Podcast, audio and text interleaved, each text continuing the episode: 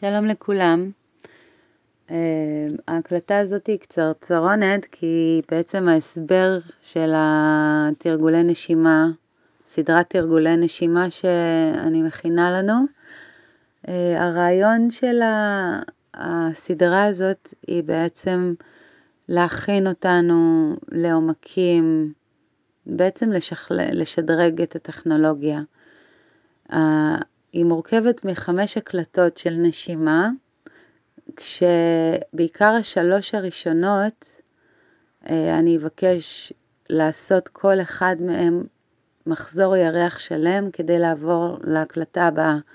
בעצם להתחיל מההקלטה הראשונה ולעשות אותה פעם ביום לאורך מחזור ירח חודש, מחזור ירח שלם כדי שזה ייטמע בגוף, כדי שנוכל לעבור לשלב הבא, כדי שזה יהיה באמת הדרגתי לפי המערכת שיכולה לקבל את זה. כמובן שאם אתם כבר מתרגלים מנוסים ויש לכם כבר ידע, אז אתם uh, יכולים uh, לפי ראות עיניכם לדלג. Um, אני אפילו הייתי עושה את זה ככה גם אם לא הייתי, גם אם הייתי מנוסה ורגע, זה, זה עושה משהו.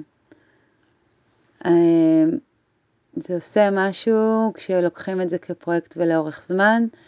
ואומנם זה חמש הקלטות יש, אבל בעיקר השלוש הראשונות שהן יחסית קצרות, עשיתי אותן בכוונה קצרות כדי שנוכל לעשות אותן בקלות פעם ביום, והן אה, לוקחות אותנו בשכבות פנימה. זה אותה טכניקת נשימה לאורך כל השלוש האלה, זה אותו סגנון ווים הוף שאני עושה, אה, ווים הוף עדין. אה, בכל אחד מהם בעצם יש 30 נשימות אה, של פמפום חמצן. אנחנו רוצים קודם כל להכניס חמצן לגוף, אז כל סבב מורכב מ-30 נשימות מלאות שבהם אנחנו מכניסים את החמצן, ואז אה, אחרי 30 נשימות מוציאים את האוויר ונשארים בלי אוויר כמה זמן שאפשר.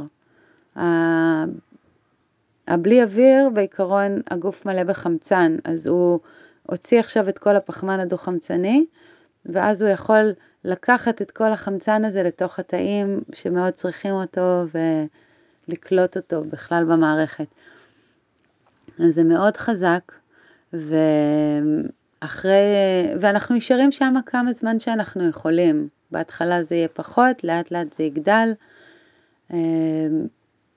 כמובן שבכל רגע, אם מחניק לכם, מלחיץ לכם, כמובן, אתם יכולים לנשום אה, בחוויה.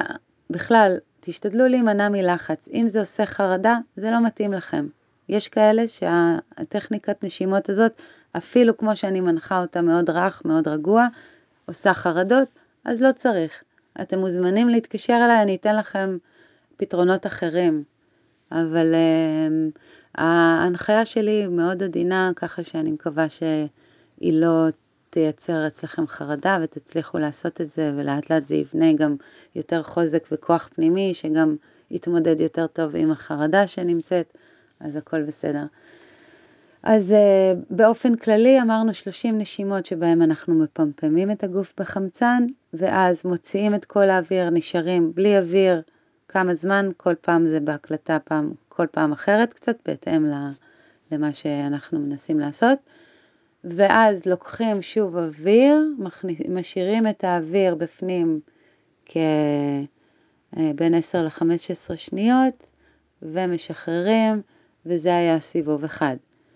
אה, שלושת ההקלטות הראשונות מורכבות משלושה סבבים. זה סך הכל לא יוצא ארוך, גג בסביבות, ה, בסביבות הרבע שעה, מאוד מומלץ לחזור על זה כל יום, קודם על הראשונה, אחרי חודש על השנייה, אחרי חודש על השלישית.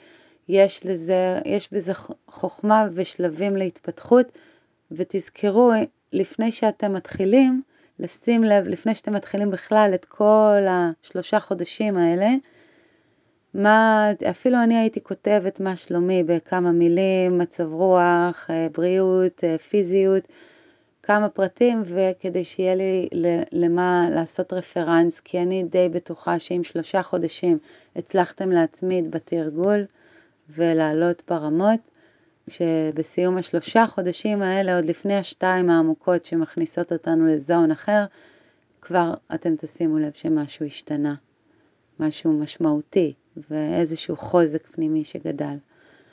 אז כמובן שלכם, בשבילכם להחליט, האחריות בידיים שלכם גם, תחליטו כמה, איך ומתי.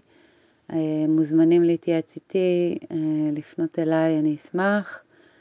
ושוב מזכירה שהשתיים האחרונות מתייחסות לגופים יותר מעודנים שלנו, הן יותר ארוכות, הן כבר צלילות עומק, אה, ואני מאוד ממליצה לא להיכנס לצלילות עומק בלי שיש את הידע והמוכנות של הגוף אה, לדבר הזה. יופי, ועם זה אני אאחל לכולנו בהצלחה ובהנאה ובנחת, ושניפגש בשמחות. תודה רבה.